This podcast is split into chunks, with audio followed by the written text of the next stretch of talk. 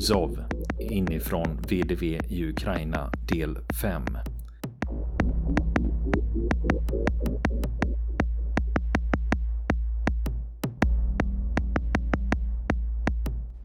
När vi kommer in i historien så är det den 21 februari 2022.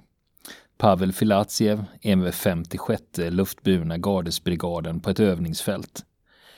De är på norra Krim, ganska nära gränsen till Ukraina. Till och med då så var alla trötta och smutsiga.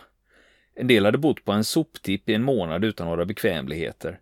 Allas nerver var på helspänn. Framförallt eftersom det fanns ett växande allvar i luften. Och det var mycket som inte gick att begripa. De flesta hade ingen mobilmottagning och vi hörde bara rykten om att det började hetta till. Jag misstänker att inte ens regementscheferna visste vad som var på gång. Två dagar senare, på natten, börjar vår kolonn rulla på nytt. Den här gången närmare gränsen, nära Armiansk. Vi sov i fordonen och patrullerade intensivt på nätterna. Natten mot den 23 februari fick vi information från ledningen. De sa att fientliga sabotageförband hade korsat gränsen i riktning mot oss. Vi var redan på helspänn på nätterna. Men det var ju nästan som ett skämt, för vi hade inte fått ammunition ännu. En av mina kamrater föreslog en lösen för att vi skulle identifiera varandra. Hans förslag var Kerson är vårt. Det visade sig så småningom att det var en korrekt profetia. I mörkret så är kompanierna en bit ifrån varandra och den natten så regnade det och var dimmigt. Ingen visste riktigt vad som var på gång och alla gissade. Den 23 februari kom divisionschefen till oss och på uppställningen gratulerade han oss, för det var en högtidsdag. Fäderneslandsförsvararens dag. Han sa att från och med imorgon så ska ni få 69 dollar extra per dag i lön. Det betyder mer än 4 000 rubler per dag och enligt ett snabbt överslag borde det bli mer än 120 000 rubel i månaden plus vår grundlön. Det om något var ett tecken på att det var något stort på gång. Efter uppställningen så blev det tjafs om det här med utdelning av ammunition, granater och opiaten Promidol som vi skulle ha i vår sjukvårdsutrustning. Det snurrade runt rykten om att vi skulle anfalla Kherson. Det tyckte jag lät som nonsens. Ingen visste vad som skulle hända imorgon. Någon sa att vi skulle försvara gränsen mot Krim. Någon sa att vi skulle anfalla Kiev och inta stan på tre dagar. Jag la mig i diskussionen och sa att vi kan inte överhuvudtaget ta någonting på tre dagar, utan en sån grej skulle garanterat gå på röven. För mig var det självklart att ingen skulle någonsin utfärda en sån order. Och jag gillar inte att mina kollegor slängde ur sig sådana saker, som att vi skulle bli anfallna och allt det här med att vi skulle visa att vi var i beredskap eller att vi skulle lastas in i helikoptrar och flygas in till Donetsk eller Luhansk. Eller att vi ska lämnas kvar vid gränsen som förstärkning och att trupper skulle gå in i Luhansk och Donetsk österifrån för att säkra landet inför en folkomröstning. Det stod hur som helst klart att något var på gång. Det fanns inget samband och ingen åtkomst till internet heller på ett bra tag. Den här dagen tjafsade jag med både min plutonchef och min kompanichef, för jag hade inte ens fått ut ett kroppsskydd. Jag gick för att leta upp en gammal kamrat. Han var nu mer överstelöjtnant och han var en bra ledare. Han kunde ryta ifrån som en farsa, men visa samma omsorg som en morsa. Jag hittade honom vid granatkastarna. Han hälsade på mig som en far hälsar på sin son. Han tyckte det var bra att jag hade åkt iväg till det här trots allt. Han lyssnade på mina problem att jag saknade utrustning. Han sa att han redan hade skickat efter grejer från regementet och att de skulle komma ikväll. Han kände till vilka konflikter jag haft i mitt kompani och han erbjöd sig att jag skulle kunna få ansluta mig till granatkastarkompaniet. För precis som överallt annars så var de kort om folk. Jag hade träffat chefen för granatkastarna på gymmet flera gånger och han verkar vara en bra officer. Jag höll med om att jag var trött på att bråka och insåg att jag inte kunde förändra något och ville att det snart skulle vara över. Samma kväll fick jag kroppsskydd, hjälm och ryggsäck. Jag gick till granatkastargänget med sina Kamaz-lastbilar. Jag gick fram till deras chef, som redan visste att jag skulle ansluta. Jag förklarade att jag inte kunde något om granatkastare, men att vilken position som helst dög åt mig. Han sa att jag kunde vara med i eldledningsplutonen och pekade på deras Kamaz-lastbil. Jag klättrade upp i den och det var fem soldater där. Jag kände igen dem. Vi tjänstgjorde ändå i samma bataljon. Det blev mörkt med en gång och vi ställde upp fordonen i kolonn. I allmänhet så var det den här dagen när allt började förändras. Jag märkte hur människor förändrades. En del var nervösa och höll sig för sig själva. En del var uppriktigt livrädda, medan andra var ovanligt glada och uppslutna. Jag hade en konstig känsla av ödmjukhet och kände en entusiasm. Det här är adrenalin. Konvojen började röra på sig. Vi hade fem granatkastare på 82 mm. Vi var fördelade på tre Kamaz-lastbilar och tre Ural-lastbilar. Varje granatkastare har en servis om fem man. När vi började rulla så förklarade de för mig att deras uppgift var spaning och att leda in elden. Och om något hände var det ändå ingen större fara, för vi stödjer insatskompaniet som är tre kilometer framför oss. På ett sätt kändes det som jag hade fegat ur. Mitt gamla kompani skulle vara framför oss och jag skulle gömma mig bakom dem. Och allt det här på grund av att jag hållit på att bråka. Men jag släppte det snabbt. Vad ska hända nu? Jag trodde inte det skulle bli något krig i det här århundradet, utan att vi mest skulle stå någonstans och se starka ut. Men de tankarna vändes bort och jag började förstå vart vi var på väg. Vi hade fått sova fem timmar den sista tiden, så jag och de andra somnade där bak i Kamaz-lastbilen. Klockan 00.00 24 februari 2022. Om man ska uppskatta hur långt vi åkt, så var det nog inte så långt. Vi passerade fält, det regnade och var lerigt på natten. Vår konvoj ställde upp på flera kolonner längs med en järnväg. Motorerna var avstängda och lyktorna släckta. Orden kom att vi skulle sätta vita bandage på våra vänstra armar. Vit målartejp började skickas runt bland männen. När vi lämnade övningsområdet 19 februari hade de målat två horisontella vita streck på fordonen. På kvällen den 23 februari kom orden att de förarna som inte märkt upp sitt fordon ordentligt skulle göra det. Och då passar man också på att fästa en vit tejpremsa på vänster arm och höger ben. Och de hade ju redan på fordonen målat två horisontella streck. Nu kom orden att lägga till ett streck som band ihop de bägge tidigare strecken, så det bildade ett Z. Medan soldaterna förberedde sig med tejp eller bandage på armar och ben så kom en kille från lastbilen bredvid och började snacka med mig och undrade om inte jag kunde ansluta mig till dem. De var bara tre stycken på deras granatkastare istället för fem. Jag tog mina grejer och hoppades att jag inte skulle ställa till det för mycket med granatkastaren. Ett misstag så kunde det vara kört. Jag slängde in min ryggsäck och hjälm där bak i deras lastbil. Jag började klättra över sidolämmen på lastbilen i mörkret. Mina magasin som stack upp ur stridsvästen fastnade i sidan av lastbilen och mina byxor gjorde att jag inte kunde lyfta benen högre. Jag satt fast som ett skruvstäd. Jag försökte luta mig i sidled så att magasinen skulle lossna. Och jag lossnar och ramlar ner på flaket med huvudet före och jag skriker av smärta. Det blixtrar till bakom ögonen trots att det är mörkt ute. Jag känner efter vid mitt ena öga. Det är blött och det gör skitont. Det är beckmörkt och någon försöker tända en ficklampa för att se hur det är ställt med mig. Jag tar bort min hand och försöker förstå om jag har synen kvar på bägge ögonen. Han som lyser i mitt ansikte säger Åh fy fan! Och jag frågar, är ögat kvar? Han säger, ta bort händerna från ansiktet så jag kan se efter. I min handflata syns det blod och jag känner hur något varmt rinner ner längs mitt ansikte. Det visar sig att själva ögat är okej, men jag har skadat både övre och nedre ögonlocken. Jag kollar runt på flaket. Det visar sig att jag slagit i ögat i ett handtag till en granatkastare. Jag blir förbannad och sparkar till eldröret. Jag ser mig om och ser en ung granatkastarsoldat. Överallt är det fullt av utrustning.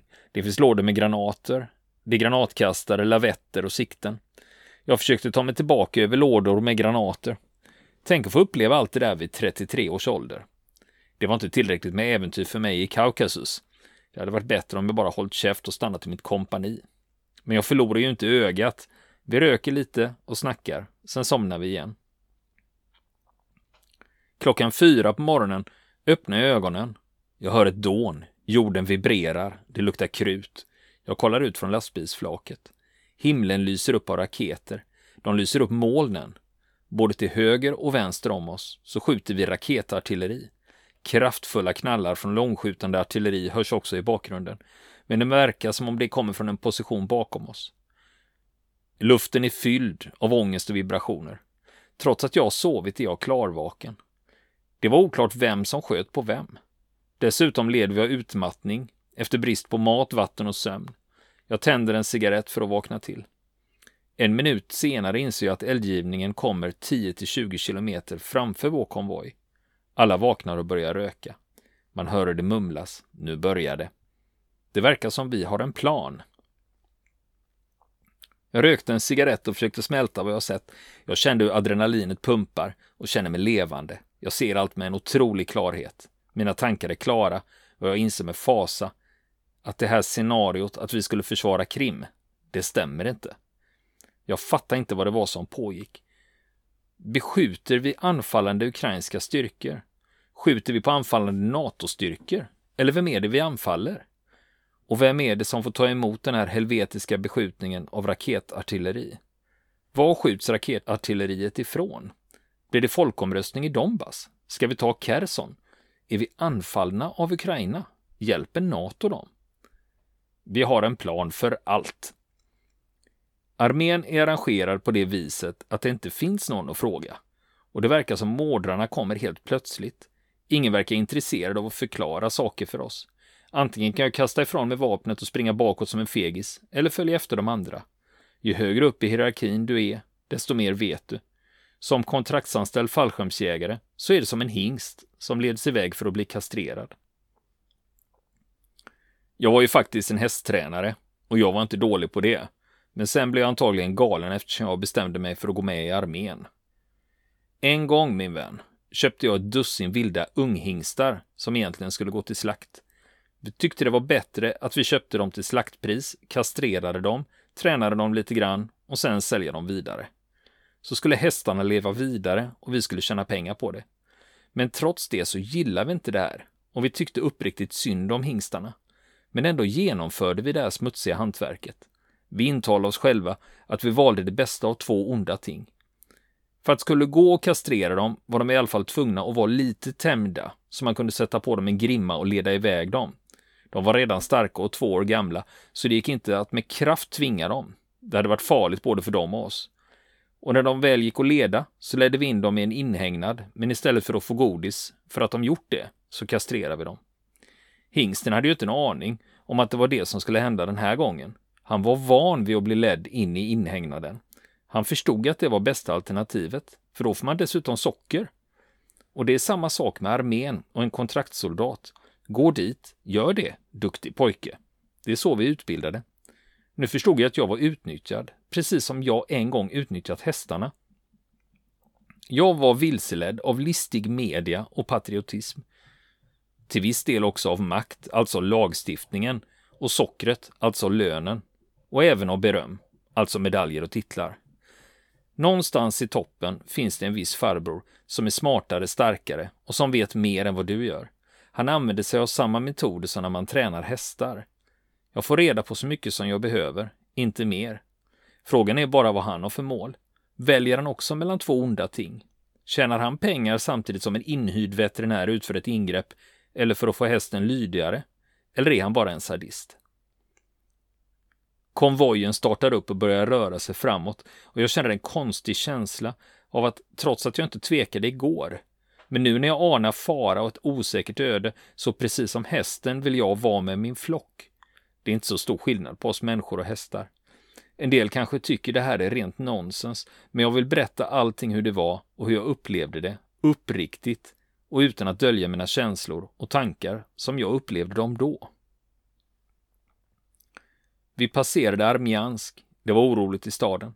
Granater flög över stan i riktning mot Ukraina och vår konvoj passerade genom staden. Trafikpolisen och militärpolisen blockerade gatorna så vi kunde köra rätt igenom.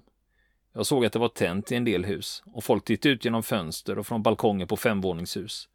Plötsligt kör vi in i något framför oss. Det visar sig att vår Urallastbil saknar bromsar.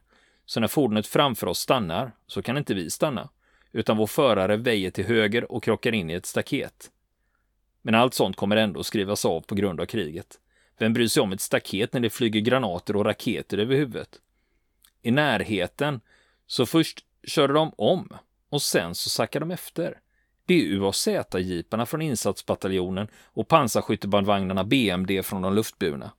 När UAZ-jeeparna från mitt kompani var längst fram och nära gränsen vid Armjansk till vänster var en skog och på höger sida ett fält. Jag hörde skottlossning och explosioner från deras håll. Precis då ångrar jag att jag hade gått över till granatkastarna. När jag inte har några känslomässiga band till soldaterna och vi känner ju inte varann. Och i den här gruppen jag nu är, där verkar jag spela andra fiolen. Från det här jävla flaket kan man bara se bakåt och tänk om mitt kompani kommer bort från konvojen. Vart ska vi ta vägen då? Jag vill framåt och jag känner adrenalinet pumpa. Och jag har fjärilar i magen, men samtidigt fattar jag ingenting. Stridsflygplan passerar över oss och efter dem attackhelikoptrar. Vi hör explosioner framför oss och luften luktar krut. Det var en skrämmande syn, men samtidigt enastående vackert. Det var redan gryning, kanske sex på morgonen. Vårsolen sken kraftigt efter en kall natt med regn. Jag såg ett dussin helikoptrar, ett dussin plan. BMD körde förbi oss på fältet till höger och stridsvagnar dök upp. Hundratals fordon med flaggor från de luftburna styrkorna, eller ryska flaggor. Allt det här såg jag med mitt skadade öga, sittande på flaket på en jävla Urallastbil utan bromsar. Det som händer är att flera tankar snurrar i mitt huvud. Beundran, upphetsning och rädsla. Att vara del av en flock. Den stora mäktiga kraften som du är en del av. Det är berusande. Men vi rusar framåt under artillerield som flyger över våra huvuden och har inte en aning om vad som ska hända. Min urallastbil saktar in och passerar gränskontrollen mellan Krim och Ukraina. Konvojen saktar in, sen stannar den helt. Sen sätter den igång igen. Jag såg bilar som rök eller som blivit beskjutna. När vi passerade gränsen såg jag en pluton från insatsbataljonen sitta av. Deras UAZ-jeepar stod vid sidan av vägen. De höll gränsposteringen medan vi körde förbi. Jag såg att det fanns blod på marken, men jag såg inga kroppar. Kanske hade de redan flyttat undan dem. Till höger såg jag bandfordon passera gränsen på ett fält. Jag såg hur flera kolonner med fordon sammanstrålat till färre kolonner. De fortsatte längre och längre fram över fältet. Efter att ha passerat gränsen såg jag skyltar på ukrainska och ukrainska flaggor. Jag fick en ny känsla av att jag förbannat nog inte fattade vad det var som hände. Känslan av att det runt omkring mig var verkligare än själva verkligheten, men samtidigt var det som en dröm. Ingen video av det här kunde förmedla det jag kände, men det mest intressanta är att det inte finns några reportrar här och inga ögonvittnen som filmar. Precis på andra sidan gränsen så har en bensinstation fattat eld. Här åkte våra spanare före med sina pansarskyttefordon. Här har någon dött. Vi ser övergivna eller förstörda bilar. Konvojen stannar och sätter igång igen, hela tiden. UHZ-jeeparna från mitt gamla kompani kör om oss. Sen sackar de efter. Fordonen rör sig i två eller tre kolonner. Till höger om oss ser jag vindkraftverk. Det är en vacker utsikt över fälten. Vädret är som om det vore början av april. Artilleriet har tystnat. Jag ser spår vad vårt artilleri och vårt raketartilleri slagit ner. Det finns inget här. De kanske sköt mot en fiende som sedan retirerat. Så fort konvojen stoppar kör vi av motorvägen. Vi som är i högra kolonnen svänger av till höger och den vänstra kolonnen svänger av till vänster. Så fort vi stoppar ställer jag mig upp på flaket och tittar framåt. Så fort konvojen börjar röra på sig måste jag snabbt sätta mig ner på flaket på en låda granater. Granatlådan hoppar och studsar och det ger mig väldigt lite hopp om framtiden. Vägarna blir sämre och sämre. Granatlådorna på flaket hoppar runt mer och mer. Min önskan av att granatkastarsoldat minskar mer och mer. Konvojens bredd utökas ibland, för att sen minska igen. Ibland åker vi på grusvägar och ibland på asfalt. Ibland stoppar fordonen längst fram. Antagligen för att få koordinaterna till nästa anhalt. Nu rör vi oss västerut. Ibland syns stridsflygplan och attackhelikoptrar som flyger mot Ukraina, sen kommer de tillbaka och sen tillbaka i riktning mot Ukraina igen. Plötsligt stannar vi på en öde väg. Orden färdiga till strid ropas ut. Klumpigt tar vi oss ut från fordonen. Vi springer längs med vägen och tar eldställningar. Några har gått ner i knästående, andra ligger ner. Några står korkat nog upp för att de inte vill bli leriga. Det är tur att det är falskt alarm. Med tanke på utbildningen hos oss hade vi stått oss slätt mot välutbildade motståndare. Här ser vi de första bostadshusen. Vi springer längs en fint asfalterad väg. Nära några lader ser vi en grupp män. Det är lantarbetare som är missnöjda med hur den här morgonen har börjat, men de håller sig på avstånd. Soldaterna i vår konvoj undrar vad vi håller på med. Det ser man på deras förvirrade och trötta ansikten. Man borde hoppa ur fordonet, kasta vapnet och säga jag fortsätter inte om inte någon förklarar för mig vad det är som pågår. Alla blir tysta. Vi borde ju ha någon typ av plan. När vi for genom byn, förutom de förvånade männen, såg jag flera äldre män. De kom ut och hälsade oss med flaggor med kors på. När vi körde genom den här byn förvånades jag hur vacker den var, trots att den nu var fientlig. Vi såg ofta ukrainska flaggor eller staket bollade i blått och gult. Vi körde genom flera liknande byar. Där stod folk och applåderade surmulet och enstaka äldre män som välsignade vår konvoj. Hela tiden som vi åkte hade jag en patron i loppet på automatkarbinen och var beredd att skjuta om jag kunde uppfatta någon som ett hot. Varför vi höll på med det här var inte klart för mig, men det stod klart att det här var allvarligt. Det var uppenbart att ett riktigt krig hade börjat. Vi passerade några lagårdar. De verkar övergivna. De såg ut som sådana laggårdar som man har nötboskap i under Sovjeteran. Mellan dem är det utsträckta kamouflagenät under de kamazlastbilar med bepansrat karosseri. Det ser ut som stabs eller ledningsfordon. Det var ett ovanligt ton på dem och innerst inne kände jag fara och jag ville öppna eld åt det hållet för att de övriga i konvojen skulle upptäcka dem. Men sen kom jag att tänka på att framför oss har vi våra egna spaningsförband i pansarskyttefordon och UAZ-jeepar. Och om de inte tyckte det var något märkligt med de här lastbilarna. Men jag hade fel igen. Logik och den moderna ryska armén är inte kompatibla. För så fort Urallastbilarna lämnade den här platsen så började beskjutningen. Konvojen stannade och soldaterna satte av och gjorde sig färdiga för strid. Eftersom jag tillhörde granatkastargänget så jag hoppade av tillsammans med de andra och vi började dra fram granatkastarna och utrustningen. Det här var precis runt hörnet på den byggnad där jag hade sett de konstiga Kamaz-lastbilarna. Efter en minut så fortsätter eldgivningen. Då kommer orden att vi ska lasta på grejerna och sitta upp. Efter 300 meter kommer orden att vi ska sitta av och förbereda granatkastarna för eldgivning. Alla runt omkring oss skjuter med automatkarbiner och kulsprutor mot det håll där jag såg Kamaz-lastbilarna som inte såg ut som våra.